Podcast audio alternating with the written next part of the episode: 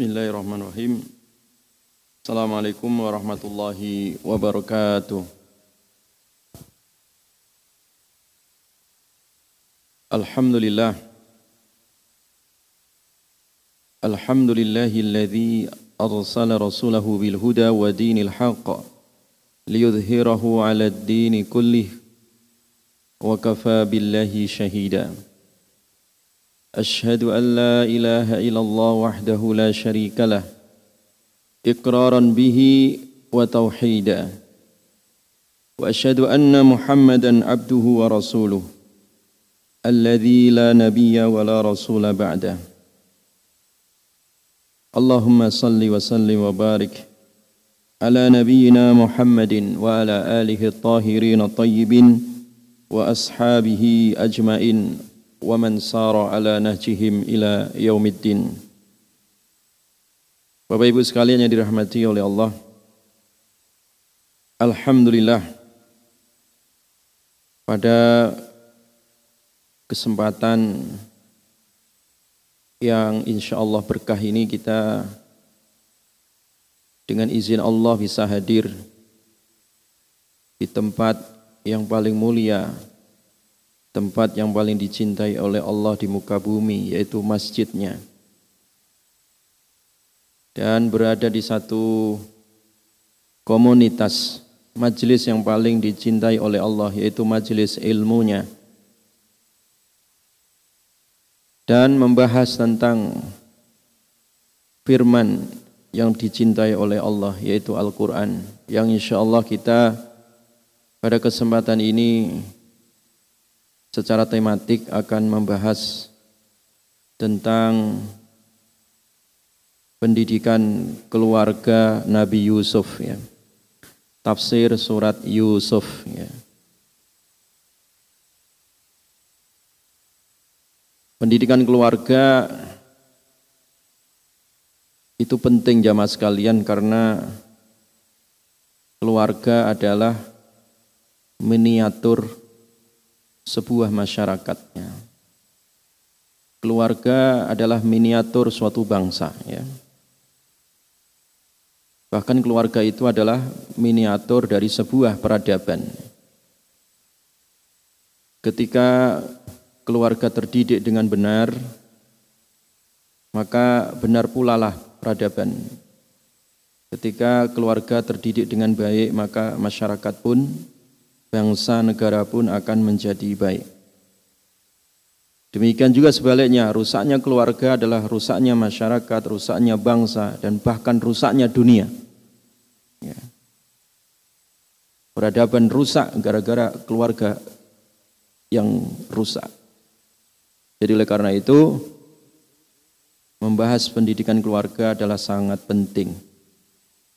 Apalagi kalau kita membahasnya mengambil dari intisari pelajaran dari Al-Quran.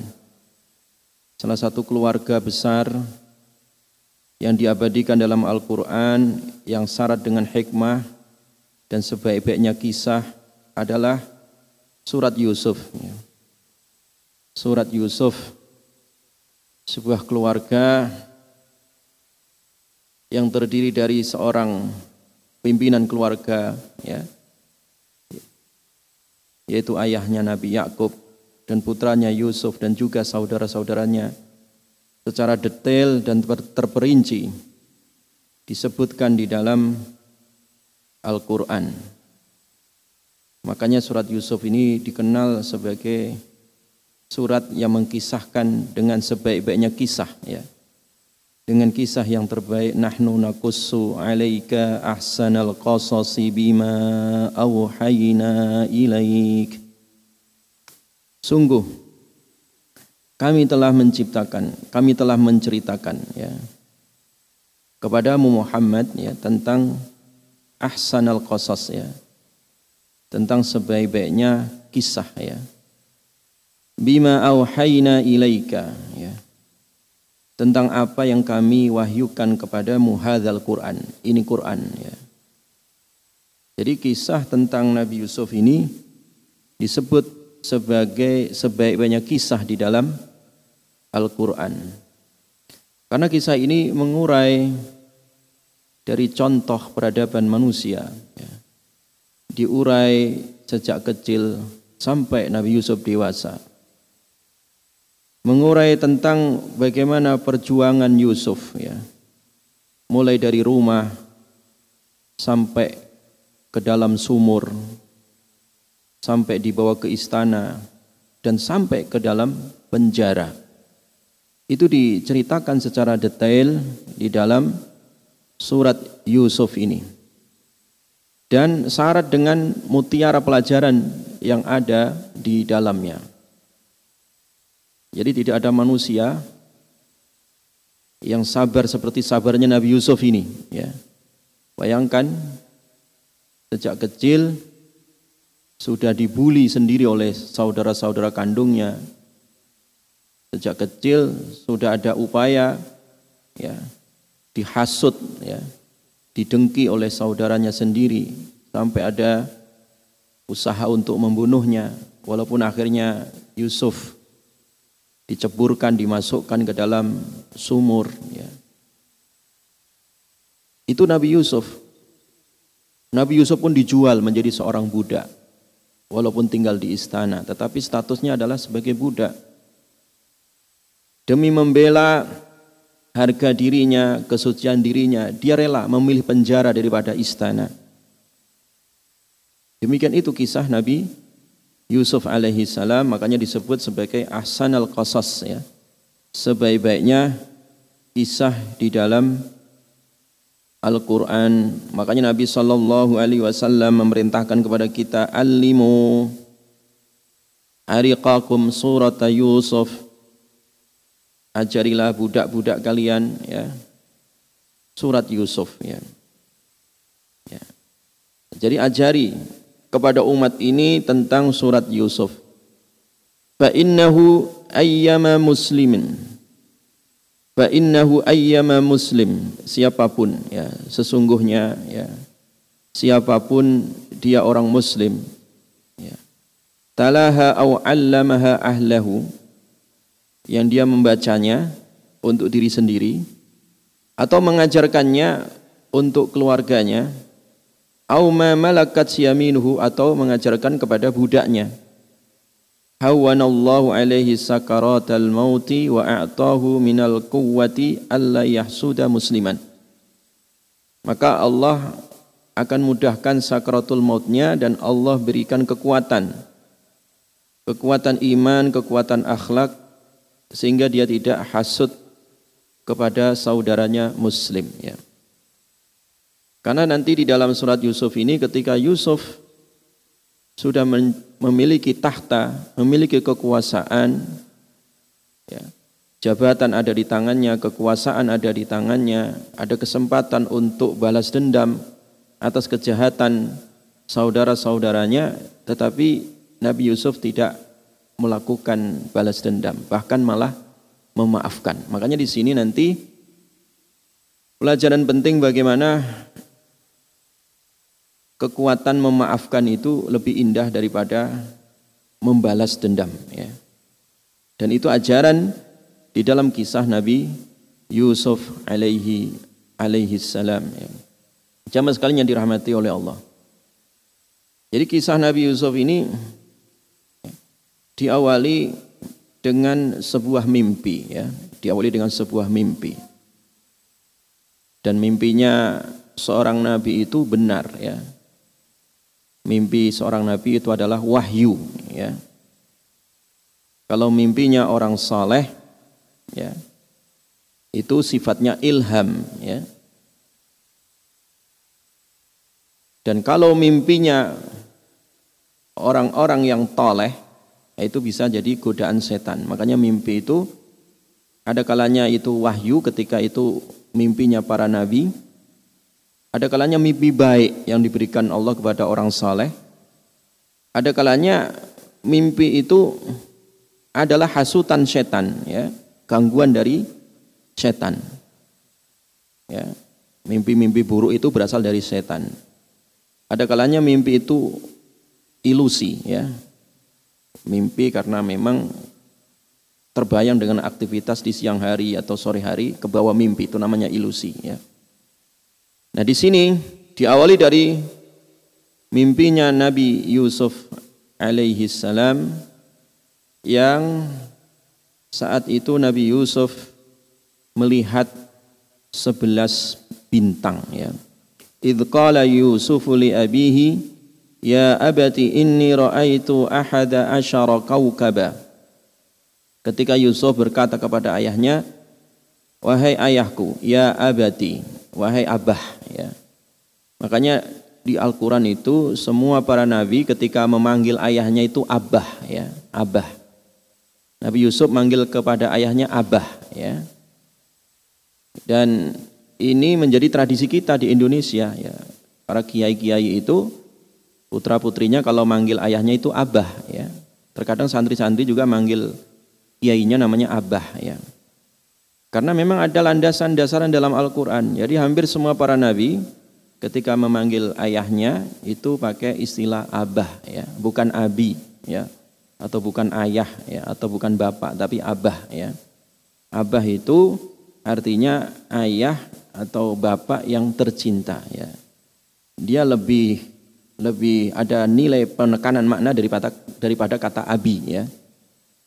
Makanya yang bagus ketika manggil ke ayah itu abah ya, abah ya.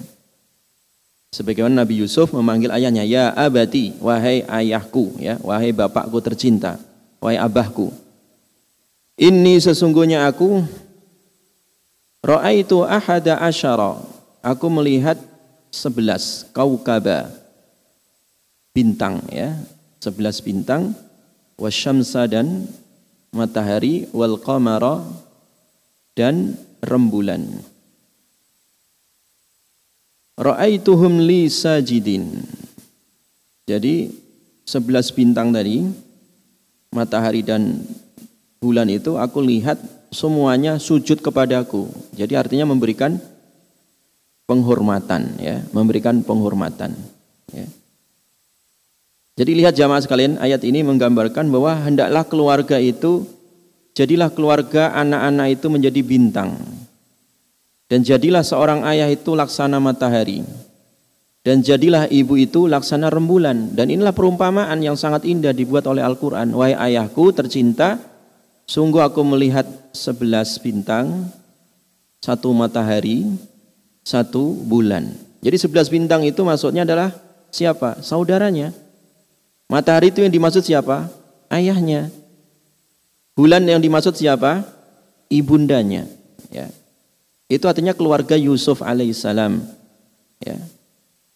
Ini nikmat bahwa ini isyarat kelak Nabi Yusuf alaihissalam derajatnya ditinggikan oleh Allah subhanahu wa taala sehingga seluruh keluarganya menghormati dirinya dan inilah kebanggaan orang tua ketika memiliki anak mengangkat derajat ayah bundanya dan saudara-saudarinya sehingga mereka diibaratkan bersujud ya memberikan penghormatan sujud takzim ya kepada Yusuf alaihi salam sebagai sosok anak yang terdidik ya yang lahir dari keluarga nabi ya dari keluarga yang terdidik ya dengan nilai-nilai yang bersumber dari Allah Subhanahu wa taala.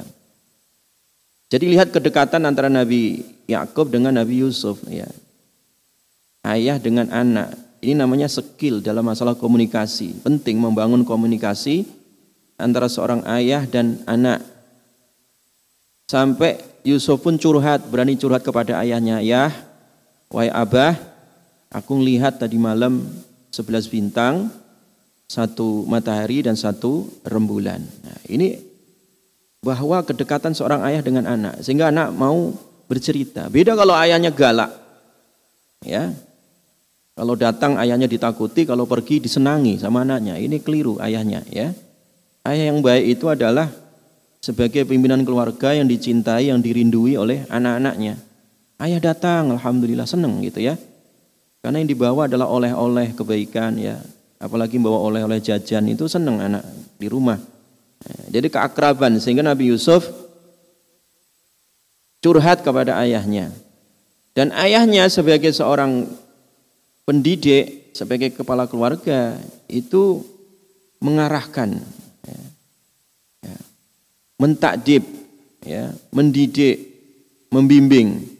Sehingga kata ayahnya qala ya bunayya la taqsus ru'yak. Wahai anakku, ya, ya bunayya, wahai anakku tercinta, la taqsus, kamu jangan ceritakan ru'yaka mimpimu itu. Ala ikhwatika kepada saudara-saudaramu itu. Fayakidu laka kaida. Khawatir mereka itu berbuat tipu daya kepadamu. Inna syaitana lil insani aduwwum mubin. Ingat nak, sungguhnya setan itu adalah musuh yang nyata. Ya. Jadi ini Nabi Yakub memahami psikologi anak, ya, memahami perkembangan putra putrinya. Dan ini kewajiban bagi seorang ayah, harus mengerti satu-satu watak karakter anak-anaknya. Jadi Nabi Yakub itu ya, dikisahkan, diriwayatkan istrinya empat ya, jadi istrinya tidak satu. Sehingga anak yang dari Nabi Yakub alaihissalam itu tidak hanya dari satu ibu tadi ya, beda ibu. Nah, anak-anak yang beda ibu tadi itu Nabi Yakub alaihissalam mengetahui watak dan karakter masing-masing mereka itu. Nak kamu nggak usah ceritakan ya sama saudara-saudaramu itu takut mereka iri ya. Takut mereka iri ya. Takut menjadi fitnah. Takut mereka menyalahgunakan atau dengki atau membuat reka daya, tipu daya kepadamu ya. Karena setan itu nak setan itu adalah musuh yang nyata. Artinya bisa jadi nanti itu setan ikut andil ya di dalam membuat rekadaya ini. Nggak usah diceritakan ya. Itu saran dari seorang ayah yaitu Nabi Yakub alaihi alaihi salam. Makanya di sini jamaah sekalian, kalau kita memiliki banyak anak ya, ya banyak anak dan apalagi banyak istri. Nah itu ya, di sini Seorang suami harus pandai, harus bisa melihat masing-masing watak karakter istrinya ataupun karakter anak-anaknya. Jangan sampai terjadi permusuhan internal keluarga. Inilah hebatnya Nabi Yakub alaihissalam. Bagaimana seorang nabi diberikan contoh oleh Allah dengan banyak istri dan juga dengan banyak anak. Dan itu semua bisa ya, dididik semua oleh Nabi Yakub alaihissalam. Ini contoh teladan yang sangat luar biasa. Kadang ada satu orang istrinya cuma satu, anaknya satu, susah dididik. Nah, ini Nabi Yakub alaihissalam, istri banyak, anak banyak, dan bisa mendidik semuanya. Ini keteladanan yang sangat luar biasa. Ya. Sehingga Nabi Yakub alaihissalam juga mengetahui ya, masing-masing karakter anaknya. Karakter anak yang ini, yang itu, dan kawan-kawannya. Nak, kamu jangan ceritakan ini kepada saudara-saudaramu. Ya, khawatir nanti mereka melakukan rekadaya. Udah simpen saja, ya. Simpen saja, ya.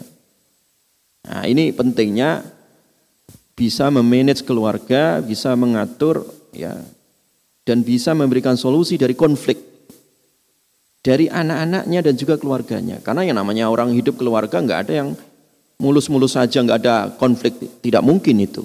Ya. Tidak ada ujian, itu tidak mungkin. Pasti ada gap, ya. ada desas-desus di tengah-tengah keluarga itu pasti ada. Tapi tugas kita, khususnya bagi kepala keluarga, bagaimana bisa mendamaikan dan bisa merangkul, bisa memberikan solusi. Nah di sinilah sifat yang solutif yang dimiliki oleh Nabi Yakub terhadap anak-anaknya dan terhadap keluarganya. Akhirnya kisah itu ya kemudian berjalan dan memang saudara-saudara Yusuf ya yang beda ibu itu ada kecondongan iri ya. Kecondongan iri ya. Irinya apa? Dikira dikira Yusuf itu dianak emaskan daripada yang beda ibu itu tadi. Dan itu biasa memang di dalam eh, konflik keluarga. Kadang kakak, adik iri ya. Apalagi kalau itu beda ibu. Nah, itu memang terjadi juga. Dan ayat ini memberikan pelajaran kepada kita ya memberi pelajaran kepada kita supaya kita waspada ya supaya kita bisa e, merangkul dan juga bisa memberikan jawaban solusi yang tepat. Nah, Karena ada sifat iri dari saudara-saudara Yusuf tadi itu, ya, itu bermula dari suudzon ya, bermula dari suudzon, prasangka buruk. La Yusufu wa akhuhu ahabbu ila abina minna. Ya, kata saudara-saudaranya Yusuf yang beda ibu itu, wah Yusuf ini dan saudaranya yang bernama Benyamin itu lebih dicintai oleh ayah kita, ya, oleh Yakub daripada kita sendiri. Ya. Wa nahnu usbah. Wa nahnu usbah. Padahal kita ini lebih banyak. Kita ini lebih kuat gitu. Nah, ini egosentris mulai muncul. Jadi karena mereka itu, jadi perlu diketahui bahwa Yusuf dan Benyamin itu hanya dua saudara, yang lainnya itu sepuluh. Ya, jadi mereka merasa usbah, merasa lebih besar, merasa lebih kuat, ya, merasa lebih hebat. Loh, kok yang dikasih perhatian kok Yusuf. Padahal itu prasangka mereka sendiri gitu. Itulah bisikan setan tadi yang diingatkan oleh ayahnya. Ingat nak setan itu musuh yang nyata. Ya Bisa jadi ini jadi bisikan bagi saudara-saudaramu. Nggak usah diceritakan itu. Ya. Nah jadi ringkas ceritanya tadi. Karena mereka itu merasa ya, iri dengan Yusuf. Ya, berangkat dari suudzon ya akhirnya mereka merancang sebuah rencana untuk memusnahkan Yusuf, menyingkirkan dari keluarga. Ya. Mereka akhirnya musyawarah, ya saudara-saudara Yusuf itu musyawarah bagaimana cara menyingkirkan Yusuf dari rumah ini. Sebagian mereka ada yang berpendapat dibunuh saja. Sebagian mereka jangan, ya, ya jangan terlalu anarkis. Dibuang saja, yang penting dia nggak balik ke rumah. Ya. Qala qailum minhum la taqtulu Yusuf. Ya wa alquhu fi ghayabatil jub. Enggak usah dibunuh Yusuf. Dicemplungkan saja, dibuang saja ke sumur, ya. Barangkali nanti ditemu orang yaltaqituhu ba'du sayyarah in kuntum fa'ilin, ya. Barangkali nanti di ditemu oleh orang yang lewat, nah biar aja dibawa orang dia. Yang penting jangan dibunuh. Akhirnya mereka sepakat ya untuk membuang Yusuf tanpa harus di, dibunuh. Ya. Tanpa harus di, dibunuh. Ya. Akhirnya mereka meminta izin ya merayu ayahnya, merayu Yakub ya supaya dilepas bisa diajak untuk pergi. Ya. Nah kata mereka arsilhu ma'ana ghadan ya yarta wa yal'ab yarta' wa yal'ab wa inna lahu lahafizun ya. Ayah, wahai abah, tolong lepaskan Yusuf bersama kami besok ya. Besok ya, esok hari gitu ya. Yarta' supaya dia senang-senang ya makan-makan wa yal'ab dan main-main ya. Wa inna lahu lahafizun dan kita insyaallah yang menjaganya Makanya polanya pinter dia, diajak makan-makan, ya main-main. Dan itu memang tabiat anak suka. Makanya ayat yang bicara tentang bagaimana kita memberikan porsi waktu permainan anak itu memang ayat ini. Ya. Memang anak itu harus main, ya diberikan porsi untuk bermain. Karena bermain dia itu adalah belajar, ya. Sehingga karena alasannya adalah bermain dan belajar, bermain dan bersenang-senang, Nabi Yakub nggak tega ya sudah bawa saja. Ya. Karena memang tabiat anak butuh main ya. Akhirnya dilepas. Walaupun Nabi Yakub alaihissalam berat untuk melepaskan qala inni la yahzununi an tadhhabu bihi wa akhafu ay dhib. Saya itu sedih ya dengan kepergian kalian ini ya bersama Yusuf itu saya khawatir kalau Yusuf nanti dimakan serigala ya kalau dimakan serigala gimana nanti dia masih kecil. Ya. Wa antum anhu ghafilun. Sementara kalian ini takutnya lengah. Akhirnya beralasan kami ini kan kelompok yang banyak ayah ya abah ya nggak usah khawatir. Ya, kalau kami sampai lalai itu mah rugi, nggak mungkin lah gitu ya. Akhirnya karena mereka meyakinkan Nabi Yakub dilepas pula itu Yusuf ya. Setelah itu Eh, dengan rekayasa akhirnya Nabi Yusuf dicemplungkan di sumur ya. Kemudian ditinggal ya. Pakaiannya bajunya diambil ya. Kemudian dibubui dengan darah ya. Darah hewan ya supaya itu sebagai bukti kalau Yusuf dimakan serigala alias sudah mati ya. Dan mereka bersandiwara waja'u abahum isya ayyabkun. Ya, datang malam-malam udah isya malam-malam sambil nangis-nangis ya. Nangis-nangis singkat cerita mereka berkata wahai ayah kami ya kami bermain ya, dengan Yusuf ya tiba-tiba ada seekor serigala ya. Dan akhirnya diterkam serigala mati ya. Ini bukti pakaiannya ya mungkin Abah nggak percaya dengan kami ya. Walaupun kami itu orang yang benar ya. Wa ma anta lana walau kunna ya. Jadi dengan sandiwara-sandiwara itu dengan lincah lidahnya bicara dan dengan bukti pakaiannya akhirnya datang ya. Wajah wala komisihi bidamin kadib ya. Ketika melihat itu Nabi Yakub alaihi salam melihat itu kebohongan gitu ya Qala bal sawwalat lakum anfusukum amra. Ya. Nabi Yakub melihat, lah buktinya apa? Kalau memang dimakan serigala kenapa enggak sobek-sobek bajunya? Hanya ada cipratan darah saja gitu. Itu pun bukan darah manusia, ya. Nah, di sinilah pelajaran penting bahwa seorang ayah seorang ayah itu harus cerdas. Melihat gelagat-gelagat anaknya. Karena anak itu apalagi anak sekarang, Pak, itu cerdas, pinter untuk ngelabui orang tuanya. Pak, Bu, saya mau keluar, mau belajar kelompok. Bukan belajar kelompok, malah pacaran gitu. Ya. Pak, Bu, beli pulsa untuk belajar online. Bukan belajar online, malah dipakai main game dan seterusnya. Itu anak sekarang. Ya. Ya. Dan ini ada kisahnya. Dan memang anak punya watak kecenderungan ketika ada pola negatif di dalam dirinya. Nah, sebagai orang tua untuk mengatasi problem seperti itu harus cerdas. Nah, mengamati dan isyarat. Makanya sebagian para ulama menjadikan ayat ini ya, ayat tentang eh, baju Nabi Yusuf alaihissalam itu bisa menjadikan dalil isyarat ya. Jadi seorang hakim atau seorang ulama ketika dia mewawancarai atau ketika ada orang datang menanyakan suatu hukum, itu kita bisa melihat alamatnya, apakah dia jujur atau tidak. Itu ada alamat, ada tanda. Ya.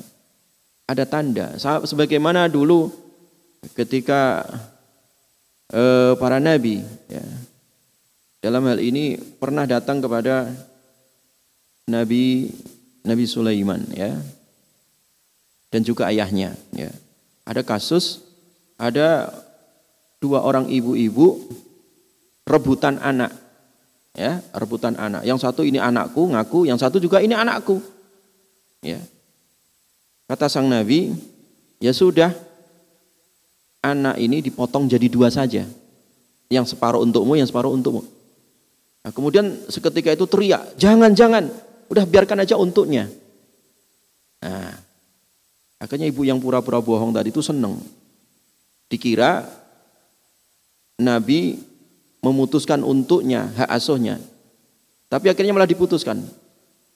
Ini anak untuk ibu tadi yang menangis ketika diusulkan untuk dipotong. Ketika ditanya kenapa engkau putuskan untuk ibu yang ini? Ya ibu ini jujur, nggak mungkin seorang ibu rela anaknya dipotong jadi dua. Ya. Kalau ini nggak jujur ketahuan dari tanda ima apa isyarat ya. Nah demikian juga Nabi Nabi Yakub alaihissalam di sini ya.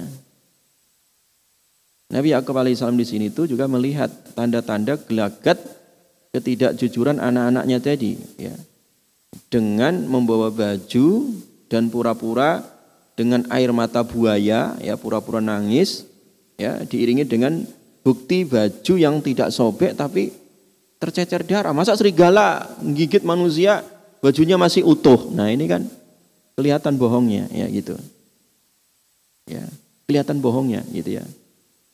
Ya, ya masa undang-undang seribu halaman disahkan dalam satu malam diketuk gitu ya. Apalagi mic-nya dimatikan. He, kelihatan itu tanda-tandanya kan.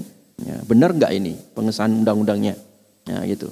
Jadi ada tanda-tanda di dalam kehidupan ini. Ya. Makanya ya Bal sawwalat lakum anfusukum amra ya. Di sini Nabi Yakub alaihissalam ya sebenarnya hanya diri sendirilah, dirimu sendirilah yang ya memandang baik urusan yang buruk itu. Jadi artinya kalian telah dihias-hiasi sifat ego, sifat hasut ya yang ada di dalam diri kalian tadi sehingga sampai terjadi kayak seperti ini. Fasabrun jamil. Nah, kemudian Nabi Yakub alaihissalam mengambil satu sikap ya. Bayangkan Nabi Yusuf itu anak yang paling dicintai, memang betul. Nah, kita punya anak sepuluh, itu pasti ada salah satu di antara mereka yang paling dicintai oleh ayahnya. Itu tabiat manusia memang seperti itu. Demikian juga Nabi Yakub. Ketika mendengar anaknya hilang, oh, rasanya kayak apa itu? Kayak sambar petir kan, ya. Sedih luar biasa. Nah, apalagi melihat tanda-tanda gelagat saudaranya yang tidak jujur di situ, tambah sedih lagi. Nah, di sinilah sikap Nabi Yakub alaihissalam fasabrun jamil, ya kesabaran yang terbaik. Sabar, sabar yang baik. Karena ada orang sabar tapi ala kadarnya. Nah, di sini para ulama kemudian menafsirkan apa sih yang dimaksud dengan sabar yang baik ya. Sabrun jamil. Sabrun jamil itu yang pertama adalah sabar yang tidak diiringi dengan keluh kesah ya. Jadi sabar yang tidak diiringi dengan apa tadi? Keluh kesah ya. Itu namanya sabrun apa? Sabrun jamil ya. Karena memang ada kadang juga sabar ya. Semua orang juga memang ada potensi untuk sabar. Tapi sabar yang tidak sampai berkeluh kesah ya. Kesabaran yang tidak diiringi dengan kekesalan ya. Kesabaran yang diiringi dengan sifat ridho ya, menerima takdir Allah ya Kesabaran dengan harapan pertolongan Allah ya. Itu disebut sabrun apa? Jamil. Makanya ayat berikutnya wallahul musta'an ya, wallahul musta'an ya. Dan Allah lah ya. Allah lah sebaik-baiknya zat yang menolong ya. Hanya kepada Allah lah meminta apa? Pertolongan ya. Alamat tasifun terhadap apa yang kalian sifati ini. Jadi kesabaran yang jamil ya, kesabaran yang terbaik, kesabaran yang indah tadi itu adalah sikap yang diambil oleh Nabi Yakub. Dan Allah Maha Penolong. Ya. Artinya apa? Dia bersabar, tidak keluh kesah, tidak putus asa dan seketika itu bersandar kepada Allah dalam urusan meminta pertolongan. Nah, itu sikap orang tua ya sikap orang tua ketika melihat kondisi anak-anaknya yang tidak sesuai dengan idealita. Dia melihat realita tetapi tidak sesuai dengan idealita yang diingat diinginkan oleh orang tua. Ini artinya apa? Ini artinya bahwa kehidupan keluarga itu adalah ujian ya. Ujian.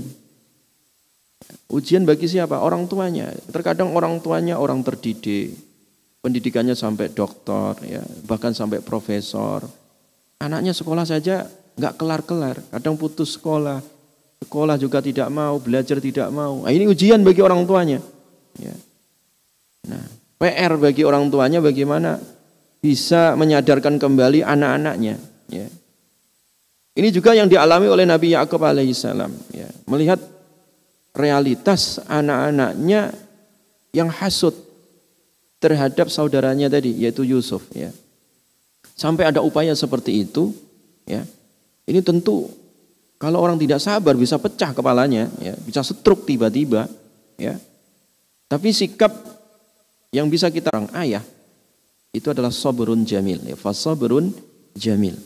Ya, sabrun jamil itu adalah ditafsirkan oleh para ulama sabar yang tanpa keluh kesah, sabar yang penuh ridha, ya, sabar yang penuh harap sabar dan mencari pertolongan dari Allah dan sehingga tidak putus asa. Wallahul musta'an dan Allah lah tempat untuk apa? meminta pertolongan ya. Itu sikap ya, sikap pertama dan memang hal ini sudah menjadi firasat Nabi Yakub ya. Nabi Yakub udah punya bayangan itu ya. Kalau nanti akan terjadi peristiwa ini dan betul-betul terjadi. Nah, ketika betul-betul terjadi tadi itu ada satu sikap yang harus diambil yaitu sabrun jamil dan mengharapkan pertolongan Allah Subhanahu wa taala. Yakin kepada Allah ya. Suatu ketika anak ini akan kembali. Itu keyakinan yang penting. Wallahul musta'an di situ. Dan betul singkat cerita akhirnya Nabi Yusuf alaihissalam ditemukan ya ditemukan oleh para saudagar yang kebetulan mampir mengambil air di situ ya Nabi Yusuf alaihissalam akhirnya ya apa gantungan di tali dan akhirnya diselamatkan. Tetapi masalahnya ketika para saudagar tadi yang lewat dan yang melihat Yusuf begitu ganteng dan tampan, pikiran seketika bukan ingin diasuh jadi anak angkat, bukan dijual. Wah ini kalau dijual, oke okay ini. Ya. Akhirnya dijual, ya, dijual dan dibeli oleh keluarga istana. Jadi bayangkan anak-anak yang usia belia, dia harus berpisah dengan orang tuanya. Dia harus dibully oleh saudara-saudaranya kandungnya sendiri. Kemudian yang ketiga dia diperbudak, dijual. Menjadi budak istana, ya, dijual di istana. Walaupun Nabi Yusuf alaihissalam tinggal di istana saat, apa, saat itu, ya, tetapi apakah Nabi Yusuf ini termasuk keluarga istana? Tidak, ya. Dan istana mendapatkan ujian lagi. Ya. Jangan dibayangkan ketika orang tinggal di istana, ya, kemudian merdeka atau tinggal istana, kemudian foya-foya. Itu tidak terjadi pada diri Nabi Yusuf alaihi salam. Ya.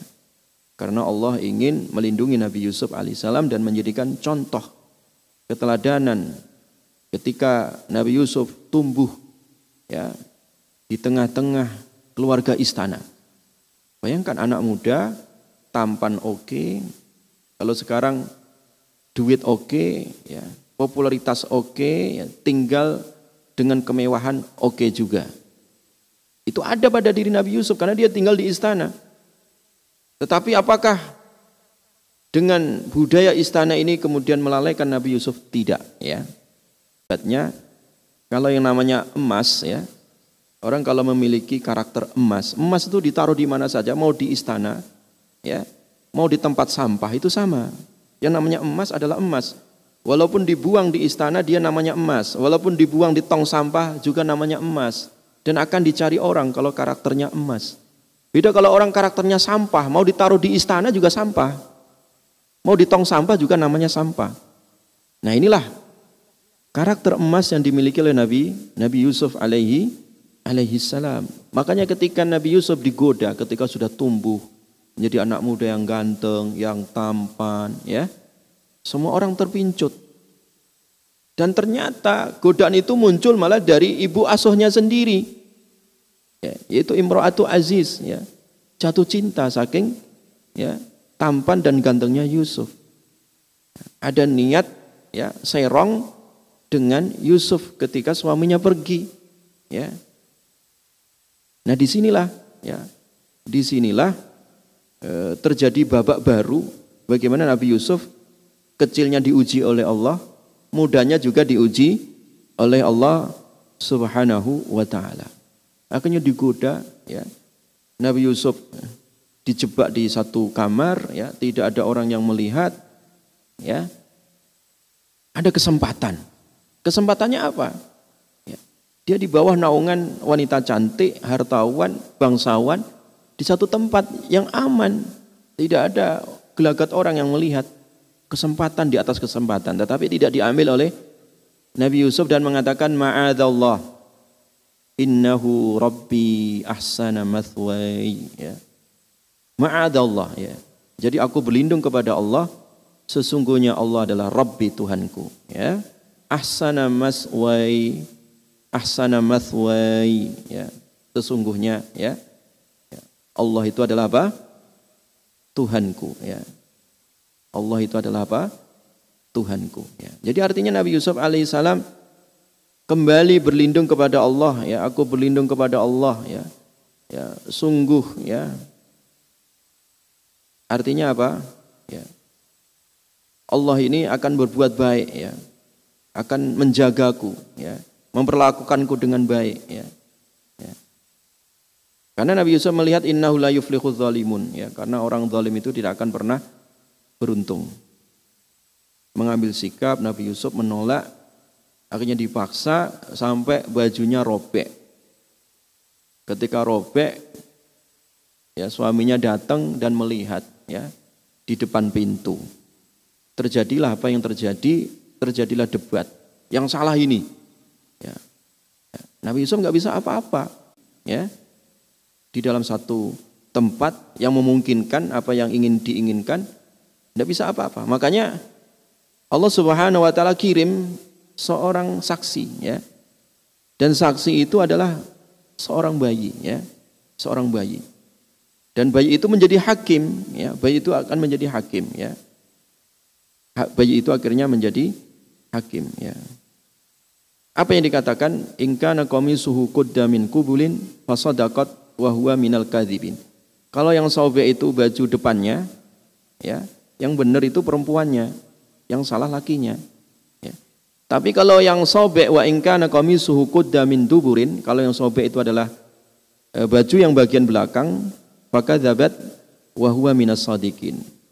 Jadi yang bohong itu adalah perempuannya, yang jujur adalah apa? laki-lakinya. Berarti dia dipaksa. Dilihat ternyata yang sobek bagian apa? Belakang. Berarti yang jujur siapa? Yusuf. Yang bohong siapa? Perempuannya. Ya. ya. Maka ketika itu melihat ya suaminya menjawab innahu min kaidikun. Nah, ini mah rekayasa kamu saja perempuan. Nah gitu ya. Inna kaidakunna azim. Sesungguhnya rekayasa perempuan itu sangat dahsyat. Akannya hati-hati Pak. Perempuan itu rekayasanya dahsyat sekali. Dan itu dikatakan oleh Al-Quran Inna kaidakunna azim ya sesungguhnya rekayasa kalian wahai perempuan itu sangat dahsyat ya sangat hebat. Orang jatuh gara-gara perempuan banyak pak ya. Orang kuat ya, orang hebat. Orang besar bertekuk lutut dengan perempuan karena memang perempuan itu kaidakunna azim ya. Yang akhirnya ya akhirnya kabar ini pecah ya seluruh istana tahu Apalagi emak-emak, ibu-ibu semuanya tahu jadi rame betul kasus ini. Kok bisa ya ibu angkat suka sama anak asuhnya? Eh lucu. Jadi apalagi emak-emak akhirnya tersebar luas. Akhirnya mereka diundang makan. Nabi Yusuf eh, disuruh keluar. Emak-emak yang hadir disediakan pisau sama apel. Ketika Yusuf keluar, melihat gantengnya Yusuf itu sampai nggak lupa, sampai nggak ingat ya tangannya yang dikupas bukan apelnya. Saking luar biasanya gantengnya siapa? Nabiullah Yusuf alaihi alaihi salam ya. Baru tahu maknya nggak bisa nggak bisa teori lagi, bener pantesan gitu ya. Gantengnya Nabi Nabi Yusuf. Akhirnya Nabi Yusuf melihat bahwa kehidupan istana seperti ini, maka Nabi Yusuf memilih lebih tinggal di penjara daripada tinggal di istana di penjara yang lebih mendekatkan diri kepada Allah daripada istana yang melalaikan diri dari Allah. Qala rabbi sijnu ahabbu ilayya mimma yad'unani. Ya Allah Tuhan kami ya penjara lebih aku sukai daripada memenuhi ajakan mereka. Ya. Ini kesatria namanya. Kita butuh ya pemuda-pemuda kesatria seperti Yusuf. Ya. Bukan pemuda-pemuda yang lemah dari sisi mental dan akalnya yang lebih dominan syahwatnya. Nabi Yusuf bagaimana bisa memanage, bisa mengendalikan syahwat tadi itu dan bahkan memiliki jiwa kesatria ya bahwa penjara ya ahabbu ilayya mimma yad'unani ilaih ya lebih aku cintai daripada ajakan-ajakan setan, ajakan-ajakan mereka ya yang bisa menyesatkan. Kok sudah Isya ya? Ini masih baru berapa tadi? Masih berseri berarti ya. Kisah pendidikan Nabi Yusuf masih berseri. Baiklah ya, insya Allah kita lanjutkan eh, dan tolong diingatkan saya ya, tolong diingatkan saya nanti khawatir saya lupa ya. Insya Allah pada eh, pertemuan berikutnya kita kupas kembali berseri tentang pendidikan keluarga Nabi Yusuf. Mudah-mudahan Allah Subhanahu wa taala menjaga diri kita dan juga keluarga kita dan senantiasa diberikan bimbingan oleh Allah Subhanahu wa taala. Subhanakallahumma wa bihamdika Asyhadu an la ilaha illa wa atubu. Assalamualaikum warahmatullahi wabarakatuh.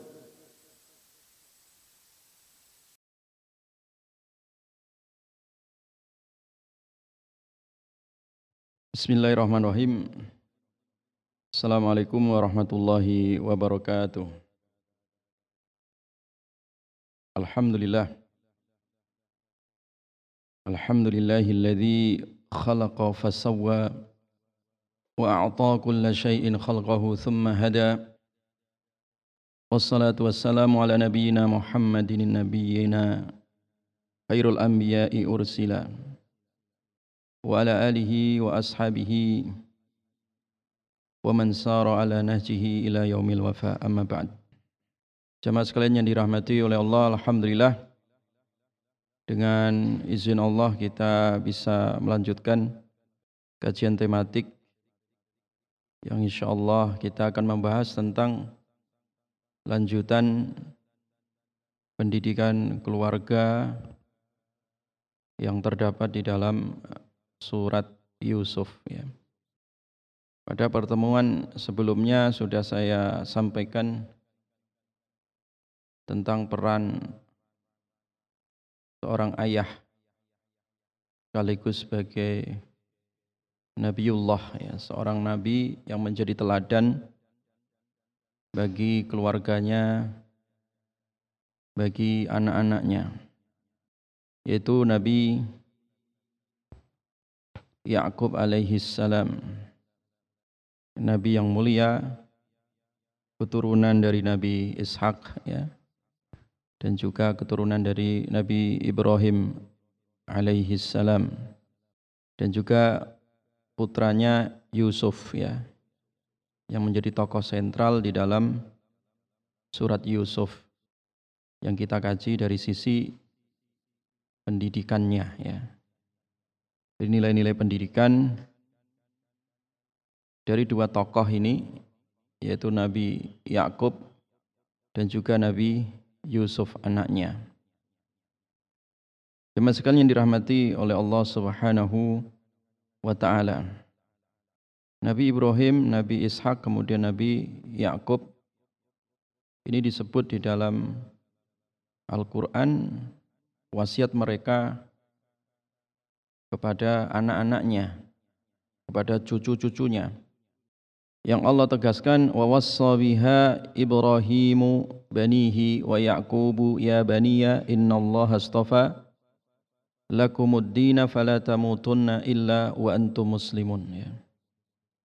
Telah mewasiatkan ya dengannya Nabi Ibrahim untuk anak-anaknya yaitu Ishak dan juga Ismail dari Ishak kemudian turunnya Yakub ya dan Yakub kemudian Nabi Yakub diturunkan lagi diwasiatkan lagi kepada anak-anaknya termasuk Yusuf dan juga saudara-saudaranya.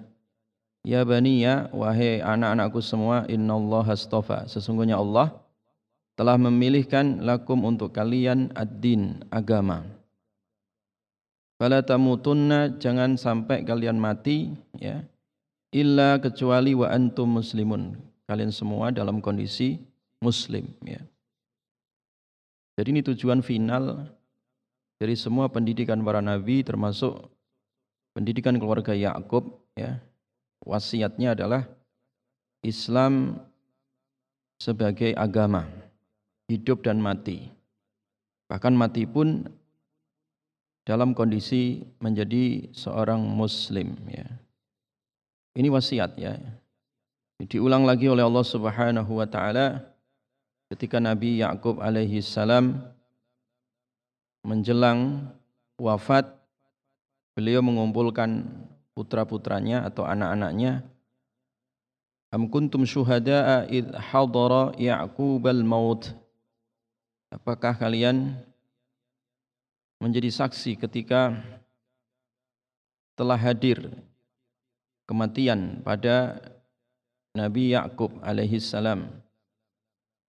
Idz qala li banihi ketika Nabi Yakub berwasiat kepada anak-anaknya, "Ma ta'buduna min ba'di?"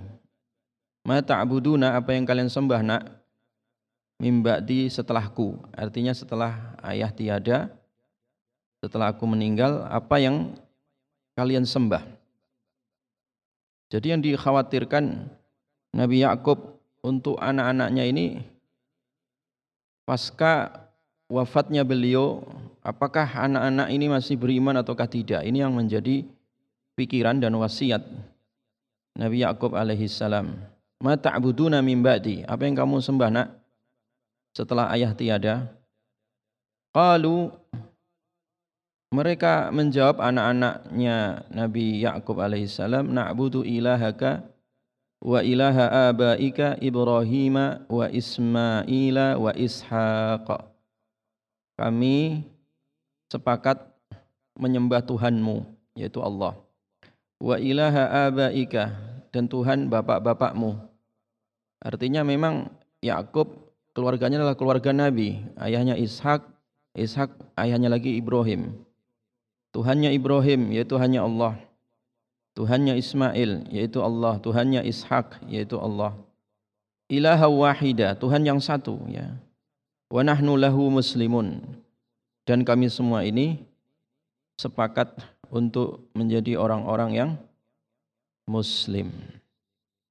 Ini adalah wasiat secara umum di dalam pendidikan keluarga Nabi Yakub. Ya, khususnya untuk anak-anaknya Yakub ya. Dan tokoh sentral dari anak-anak Nabi Yakub adalah Yusuf ini yang terdapat di dalam surat Yusuf yang disebut secara langsung. Surat ini dipakai dengan nama Yusuf ya. Dinamai dengan Yusuf ya. Jemaah sekalian dirahmati oleh Allah Subhanahu wa taala. Nah, kita sampai kepada pembahasan di mana setelah Nabiullah Yakub kehilangan putranya Yusuf ya selama kurang lebih 80 tahun ya. Jadi berpisah dengan anaknya selama 80 tahun. Bayangkan. Jadi bukan waktu yang sedikit, bukan waktu yang singkat. Jadi Imam At-Tabari rahimahullah di dalam tafsirnya beliau menjelaskan bahwa pisahnya Nabi Yusuf dari ayahnya itu selama 80 tahun. Nah, selama 80 tahun itu Nabi Yakub sedih yang berkepanjangan. Sedih yang disimpan, ya. Jadi sedihnya itu diendapkan di dalam dirinya, tidak pernah diceritakan, ya tidak pernah di di share, tidak pernah disebarkan, tidak pernah diviralkan ya. Sampai akhirnya Nabi Yakub ini menjadi buta ya, jadi buta. Dan beliau itu salah satu sosok nabi yang disebutkan dengan sifat kesabaran ya. Bahkan salah satu prinsip hidupnya adalah fasabrun jamil, fasabrun jamil ya. Jadi ketika anak-anaknya tadi yang merekayasa dari kasus Yusuf ini, maka yang dipegang oleh Nabi Yakub adalah sabar yang terbaik, ya. jadi sabar yang indah, bukan sabar biasa. Dan Nabi Yakub alaihi salam senantiasa memiliki harapan, ya, husnuzan kepada Allah Subhanahu wa taala.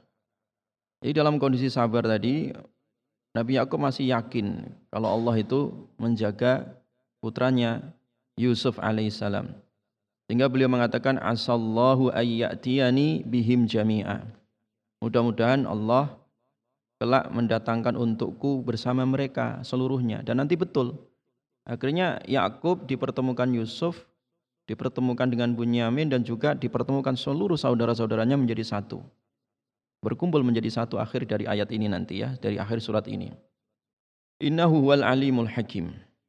Jadi fasobrun jamil ini adalah nilai edukasi, nilai pendidikan yang diajarkan di dalam keluarganya Yakub alaihissalam. Jadi sabar bukan sekedar sabar tapi sabar yang indah. Ini akan dilanjutkan pada ayat 84 ya dan juga ayat 85 dan juga ayat 86. Jadi ketika berkepanjangan sedihnya Nabi Yakub alaihissalam dan anak-anaknya memberikan nasihat karena sedih yang berkepanjangan tadi itu menyebabkan eh, wabiyaddat ainah jadi kedua mata Nabi Yakub itu menjadi putih ya memutih alias buta ya. Minal huzni fahuwa kazim jadi buta disebabkan saking sedihnya tadi kehilangan Yusuf selama 80 tahun. Nah, yang unik di sini nilai pendidikan yang dibangun dari sabrun jamil, sabar yang indah tadi itu fahuwa kazim, fahuwa kazim dan beliau Nabi Yakub alaihi salam menahan diri. Artinya menahan marah, jadi menahan sabar ya, menahan emosi dalam kondisi sedih yang berkepanjangan. Biasanya kalau orang itu sedih atau punya masalah atau punya sakit itu supaya plong biasanya di-share atau disebarkan e, atau dicurhatkan ya. Tapi bagi Nabi Yakub tidak. Nabi Yakub alaihissalam tidak mau curhat dengan manusia.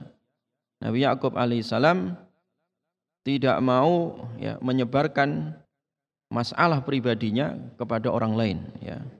Sampai anak-anaknya mengatakan qalu tallahi tafta'u tadhkuru Yusuf hatta takuna haradan au takuna minal halikin ya.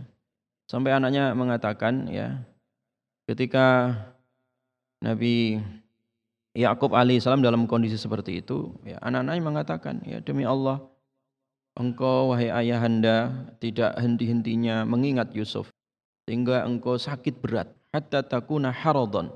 Jadi haradon itu artinya uh, al-juhud wal masyakkah. Jadi sakit yang sangat berat sekali.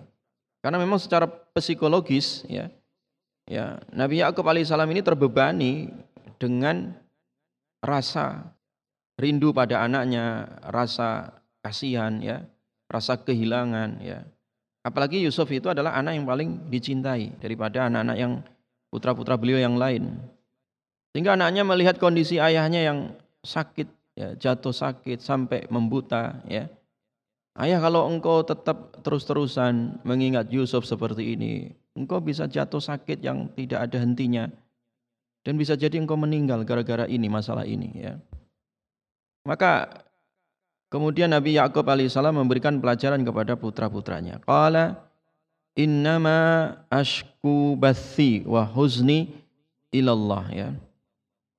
Innama ashku sesungguhnya aku hanyalah curhat ya. Jadi ashku artinya dari kata syakwa yang artinya curhat ya. Jadi mengeluarkan unek-unek atau mengeluarkan rahasia pada dirinya itu hanya kepada Allah ya. Jadi qala innama ashku bathi wa huzni ilallah. Jadi sesungguhnya aku hanya mengadu ya atau curhat bathi jadi basi wa huzni. Jadi al-bath ya, bath ya. Basa ya busu dalam bahasa Arab itu artinya menyebar ya. Jadi menyebar sesuatu ya. Ibarat debu itu kayak ditebarkan itu basa ya busu. Ibarat orang ngambil ngambil debu atau ambil pasir kemudian di disebarkan disaur-saurkan begitu, itu namanya basa yabusu ya. Jadi basa yabusu artinya dia menyebarkan ya. Nah, di sini ashku basi. Jadi aku curhat ya. Basi tadi, basi itu tadi kesedihan yang biasanya orang itu mau disebarkan gitu ya. Saya tidak mau menyebarkan kecuali kepada Allah ya. Wa huzni dan juga kesedihan. Al huzn itu kesedihan.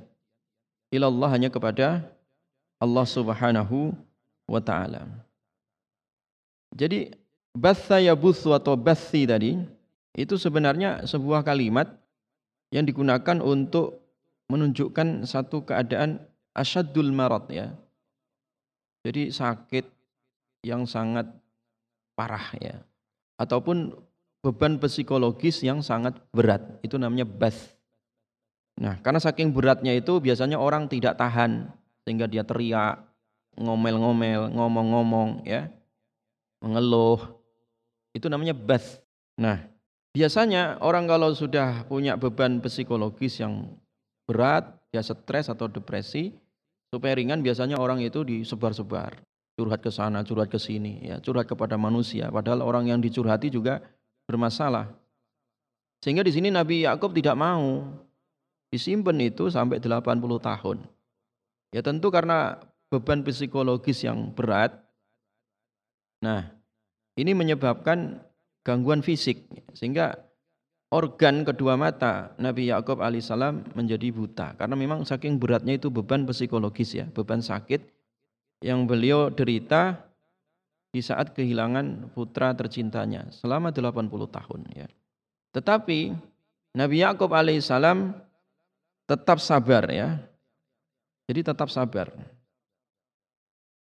Jadi sabarnya dengan sabar yang jamil, yang baik tadi, yang indah dan curhatnya hanya kepada Allah Subhanahu wa taala. Jadi pelajaran penting ini, ini pendidikan keluarga yang sangat luar biasa. Bagaimana mengajari kepada diri kita atau anak-anak kita supaya bisa meredam ya. Meredam diri. Sehingga tidak menyebar-nyebarkan keluhan. Ini sekarang salah satu penyakit yang rentan mudah dijumpai di sepanjang zaman ini ya. Khususnya di media sosial. Orang mudah sekali curhat ataupun menyebarkan aib dirinya atau keluhan dirinya di media sosial sehingga menjadi konsumsi publik ya. Dan itu betapa banyak mengundang banyak kegaduhan-kegaduhan ya. Itu tidak terpuji ya, tidak terpuji. Yang terpuji adalah ketika seseorang itu mampu meredam dirinya, tidak menyebarkan keluh kesahnya kepada orang lain. Dia berkeluh kesah hanya kepada siapa Allah Subhanahu wa taala. Makanya orang itu hilang kesabarannya ketika keluh kesahnya ini disebarkan. Nabi Shallallahu Alaihi Wasallam bersabda, "Man batha lam yasbir, man batha lam yasbir." Orang yang menyebarkan, nge-share kalau bahasa anak sekarang, nge-share keluh kesahnya, ya entah di-share di Facebook, di-share di Instagram, di-share di apa namanya Twitter, atau di di memori ya chattingannya dan seterusnya nge-share seperti itu keluh kesah seperti itu menyebabkan hilangnya kesabaran. Artinya dia tidak dianggap sebagai orang yang sabar.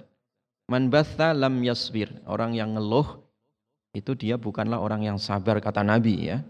Kemudian Nabi Shallallahu alaihi wasallam membaca ayat ini innama ashku bathi wa huzni ilallah ya. Sesungguhnya aku uh, curhat ya, berkeluh kesah tentang masalahku ini dan kesedihanku ini hanya kepada Allah Subhanahu wa taala. Betapa banyak sekarang kasus-kasus anak-anak milenial yang mentalnya sangat lemah sekali ya karena kurang didikan mental dari keluarga, kurangnya pendidikan akidah ya. Sehingga mental yang mudah rapuh itu ketika suatu saat ada masalah dia curhatnya di media sosial. Kemudian ditangkap oleh banyak orang. Jadilah dia korban. Banyak sekali kasus-kasus yang terjadi di sekitar kita. Anak-anak jadi korban jadi predator orang-orang pemuja syahwat atau orang-orang yang punya kepentingan-kepentingan ya dijadikan korban gara-gara apa? Masalah nge-share keluh kesah tadi itu ya di media sosial sehingga jadi korban ya jadi korban empuk bagi orang-orang jahat atau orang-orang yang zalim Makanya Nabi Yakub alaihissalam mengajarkan kepada anak-anaknya kalau kalian punya masalah, ya, yang pertama kali yang menjadi tempat curhatan adalah kepada Allah Subhanahu wa taala. Ini adalah husnudzan billah. Jadi ajaran nilai pendidikan keluarga bagaimana anak-anak kita ini ya, keluarga kita ini senantiasa diajarkan jangan banyak ngeluh. Jangan banyak ngeluh. Karena keluh kesah ini jadi problem utama ya. Orang rumah tangganya berantakan betapa banyak terjadi gara-gara masalah dikit-dikit ngeluh ya. Dikit-dikit eh, apa masalah eh, tidak mampu menghadapi gara-gara masalah eh, rentannya atau eh, kurangnya keyakinan ya kepada Allah Subhanahu wa taala. Karena dia telah tergantung dengan media ya, tergantung dengan eh, teknologi dan seterusnya. Sehingga manusia sekarang banyak sekali wujudnya manusia tapi hatinya robot ya gitu kan. Karena memang ketergantungan terhadap benda, tergantungan terhadap teknologi sekarang ini menggantikan iman seseorang ya. Sehingga orang mudah sekali ya putus asa, mudah sekali eh, apa melakukan hal-hal yang negatif ya curhatan-curhatan yang negatif ya sehingga menjadi ya adu domba ya sehingga menjadi perselisihan dan seterusnya itu disebabkan karena banyaknya keluh kesah ya yang terjadi yang tidak bisa dimanage dengan baik ya. Nah, di sini Nabi Yakub alaihissalam mengajarkan kepada keluarganya bahwa yang namanya syakwa ya, yang namanya curhatan ya, keluh kesah itu hanya kepada Allah Subhanahu wa taala ya. Dan menahan diri dari keluh kesah itu ternyata memiliki hikmah yang sangat besar ya, pendidikan yang sangat besar. Bukan berarti Nabi Yakub orangnya tertutup tidak. Dia tertutup dari manusia tadi itu supaya tidak bergantung pada manusia.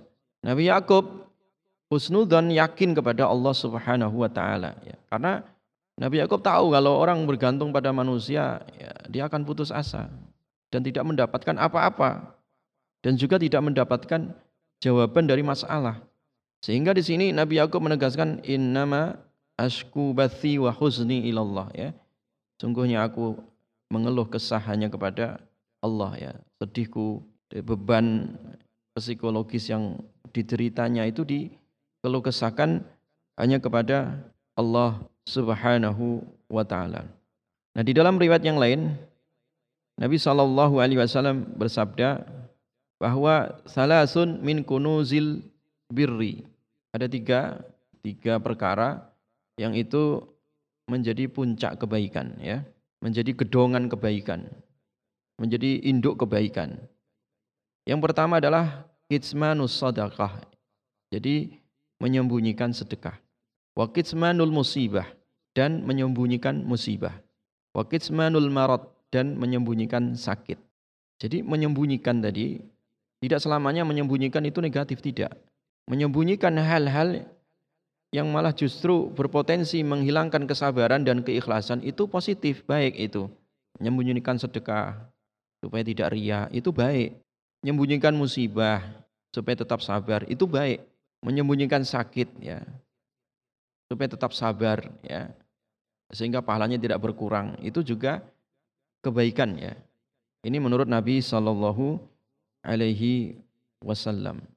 Artinya apa? Jangan manusia itu disibukkan dengan hal-hal yang sifatnya sepele atau hal-hal yang sifatnya duniawi gitu ya. Jangan manusia bertekuk lutut dengan musibah sehingga putus asa.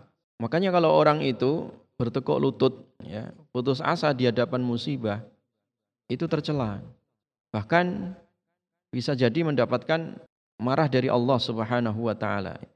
Man asbaha hazinan ala dunya asbaha sakhitan ala rabbih. Jadi siapa yang pagi-pagi dia menyedihkan urusan yang sifatnya duniawi. Ya sedih urusan pekerjaan, ya sedih urusan nggak dapat jodoh, ya sedih urusan bisnisnya gagal. Jadi menyedihkan hal-hal yang sifatnya duniawi dipikirin ya ke sana kemari ya, jadi stres. Nah, sedih yang seperti itu malah justru mendatangkan sakhitan ala rabbih ya. Itu malah membuat marahnya Allah ya. Membuat bencinya Allah.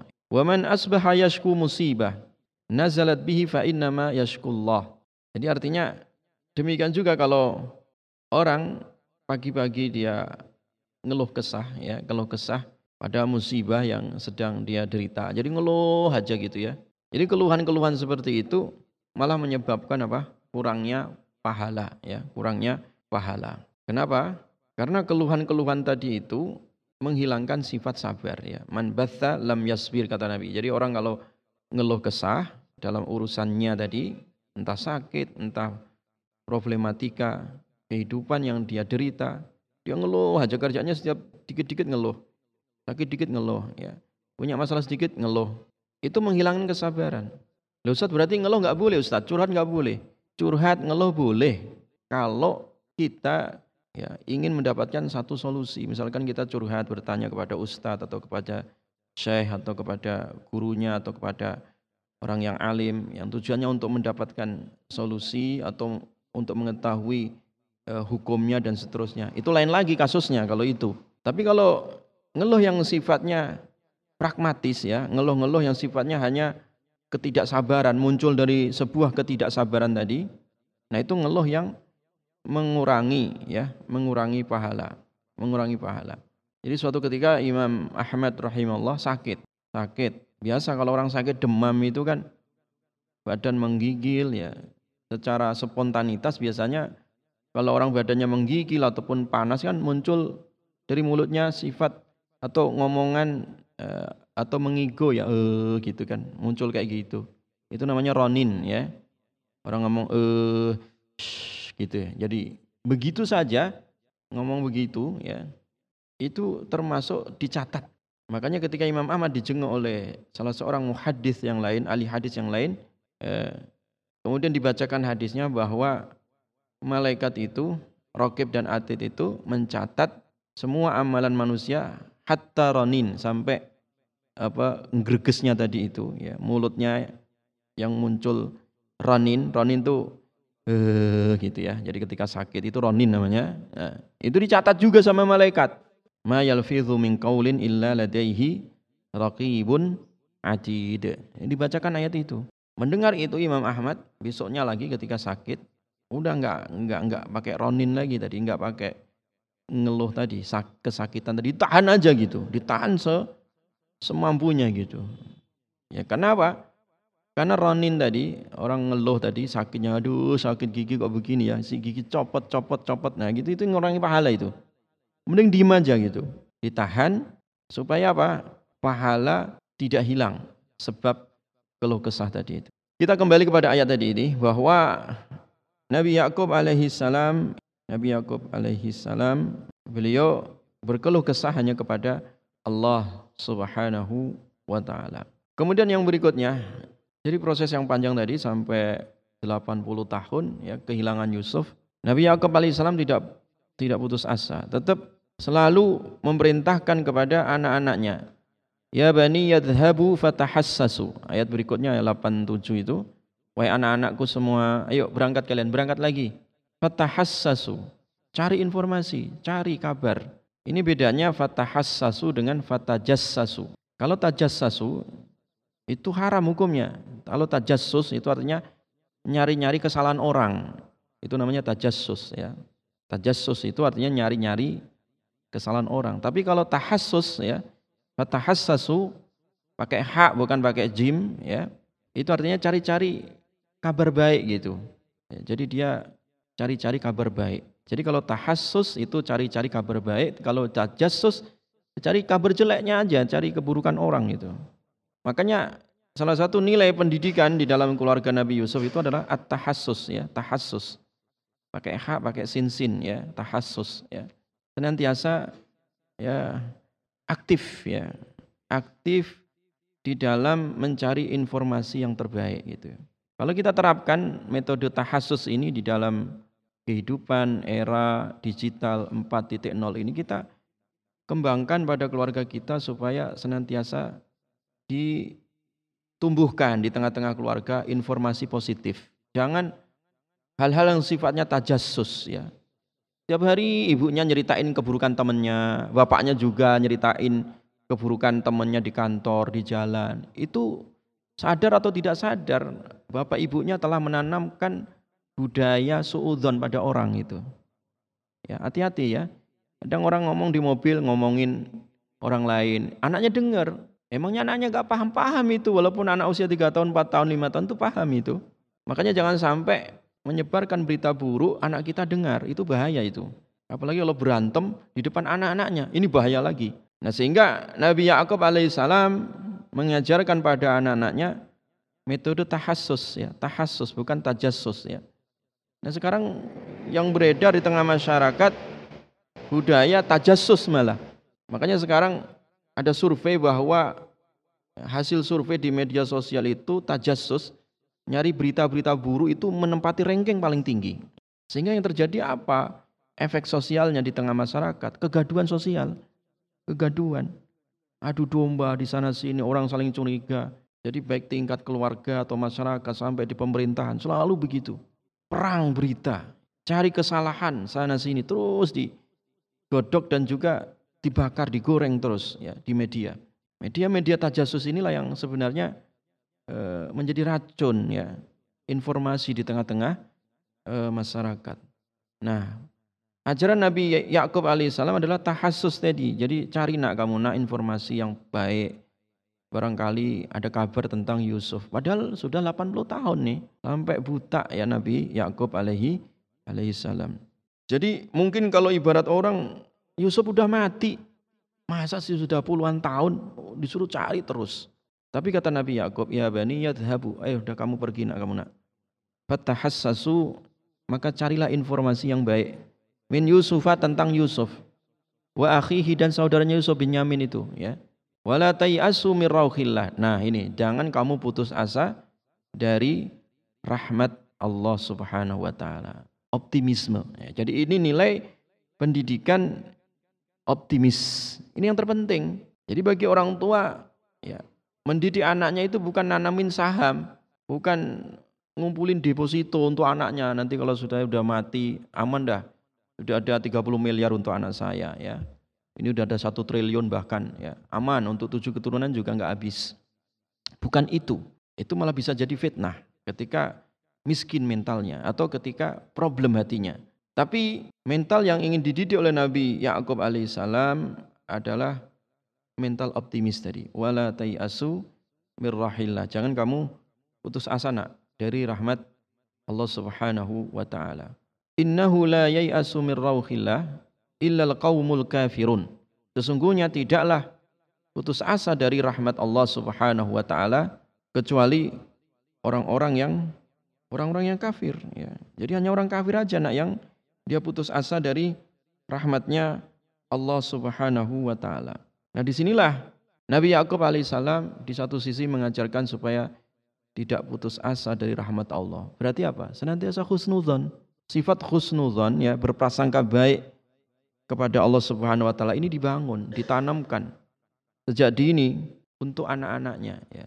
Jadi walaupun dalam kondisi mungkin secara prediksi ya manusia itu orang udah hilang 80 tahun masa sih kembali.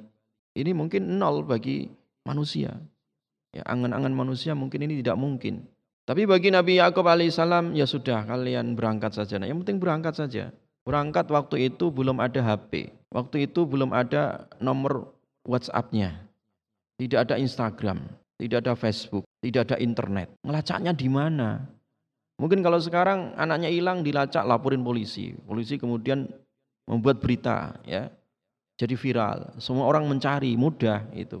Zaman Nabi Yakub tidak ada teknologi yang secanggih sekarang ini ya. Jadi dengan minimnya teknologi, dengan minimnya sarana dan prasarana fasilitas yang ada tetapi tidak membuat keterbatasan iman gitu ya supaya tetap mencari udah kamu ya idhabu kamu pergi nah udah ada pergi-pergi Masalah pergi mau naik kuda atau naik mobil nggak penting, kamu yang penting pergi nak. Dan fatahassasu, senantiasa cari informasi yang terbaik dari Yusuf ini, dicari.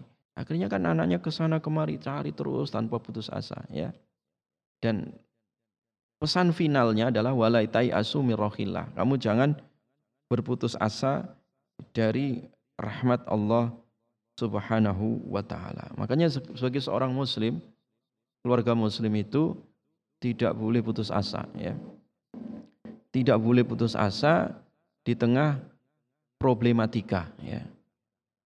Yang namanya orang berkeluarga itu nggak mungkin ya berjalan mulus-mulus saja itu nggak ada. Itu mah adanya di surga. Kalau di dunia pasti diuji. Ya, manusia tidak ada yang tidak diuji.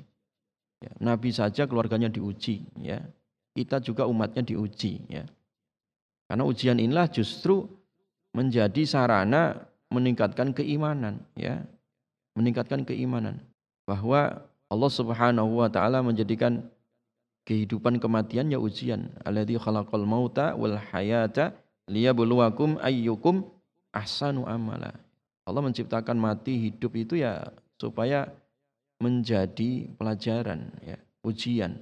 Nah, hasil dari ujian tadi evaluasinya supaya menjadi liyabluwakum ayyukum ahsanu amala, menjadi ahsanu amala. Mana di antara kalian yang paling ahsan, yang paling ihsan amalnya ya, yang paling bagus tingkatan keimanannya yaitu ihsan tadi. Jadi di tengah ujian tadi itu jangan putus asa. Jadi tidak boleh orang itu putus asa. Sakit. Kadang banyak juga orang sakit. Putus asa akhirnya bunuh diri ya. Orang putus asa seperti itu malah mendapatkan murka dari Allah Subhanahu wa taala. Orang berdosa pun kadang putus asa dia. Wah, sudah kadung banyak dosa, sekalian aja. Padahal Allah Subhanahu wa taala masih memberikan harapan kepada hambanya. Qul ya ibadiyalladzina asrafu ala anfusihim La taqnatu mir rahmatillah. Innallaha yaghfiru dzunuba jami'a innahu wal ghafurur rahim. Katakan wahai hambaku yang kebanyakan dosa ya, yang israf, yang melampaui batas. Jadi orang-orang yang melampaui batas saja masih dipanggil hambaku kata Allah. Ya kan? Artinya apa? Allah masih memberi harapan pada manusia walaupun dosanya segede bumi, seluas lautan, terbentang daratan, Allah masih memanggil hambaku kamu jangan putus asa ya. Jadi Allah Maha Pengampun dan diampunkan seluruh dosa. Jadi nggak usah khawatir. Nah, konsep walatayasumi rauhillah tadi ini ini ditanamkan betul oleh Nabi Yakub untuk anak-anaknya. Dan ini adalah inti dari pendidikan sebenarnya. Inti pendidikan itu bukan supaya anak kita bisa terbang ke langit tidak. Supaya bisa lari sampai luar negeri tidak. Itu tidak, itu bukan inti pendidikan disekolahkan paling mahal atau paling favorit lah. Bukan olimpiade ini, olimpiade itu tidak. Tapi pendidikan itu adalah nilai yang terpenting. Nilai bagaimana anak-anak tumbuh kembang supaya menjadi insan kepribadian yang kokoh tadi. Tidak putus asa. Berharap kepada Allah, husnudan kepada Allah. ya kan? Diajari bagaimana anak-anak ini bisa meredam diri, ya curhat kepada Allah, ya bisa menahan amarah, bisa menahan emosi dan seterusnya. Ini sebenarnya pendidikan karakter ya. Yang mulia yang diajarkan oleh Nabiullah Yakub alaihi salam kepada anak-anaknya. Dan sebagai seorang ayah, beliau menjadi teladan. Dicontohkan tadi. Dengan apa tadi? Fahuwa kazim. Kazim itu ya ikhwah, jamaah sekalian Orang yang bisa menahan diri, ya, bisa menahan emosi, itu kazim, ya. Bisa memanage ya kejiwaannya. Sehingga tidak mudah kalau kesah, bisa uh, menahan amarahnya, menahan emosinya, ya, menahan kesedihannya. Dan itu dipendam oleh Nabi Yakub kurang lebih selama 80 tahun. Itu betah itu. Orang kadang baru ada masalah sehari aja udah berantakan. Gara-gara suaminya musim pandemi kena PHK langsung eh, ngelayangin surat gugatan cerai misalkan. Nah ini macam apa ini ya? Atau penghasilannya menurun misalkan hanya gara-gara bisnisnya eh, banyak hambatan. Terjadi konflik-konflik yang sifatnya duniawi tadi ya. Terjadi konflik-konflik yang sifatnya materi. Yang tidak punya landasan akal sehat sebenarnya ya. Hanya sekedar emosi ya, mudah terpancing ya.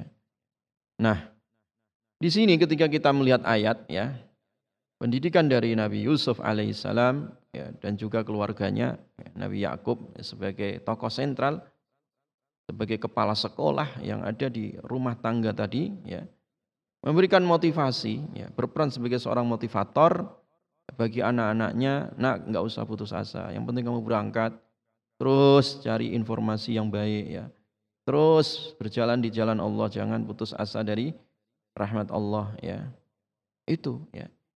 Itu yang e, ditanamkan oleh Nabiullah Yakub kepada anak-anaknya ya.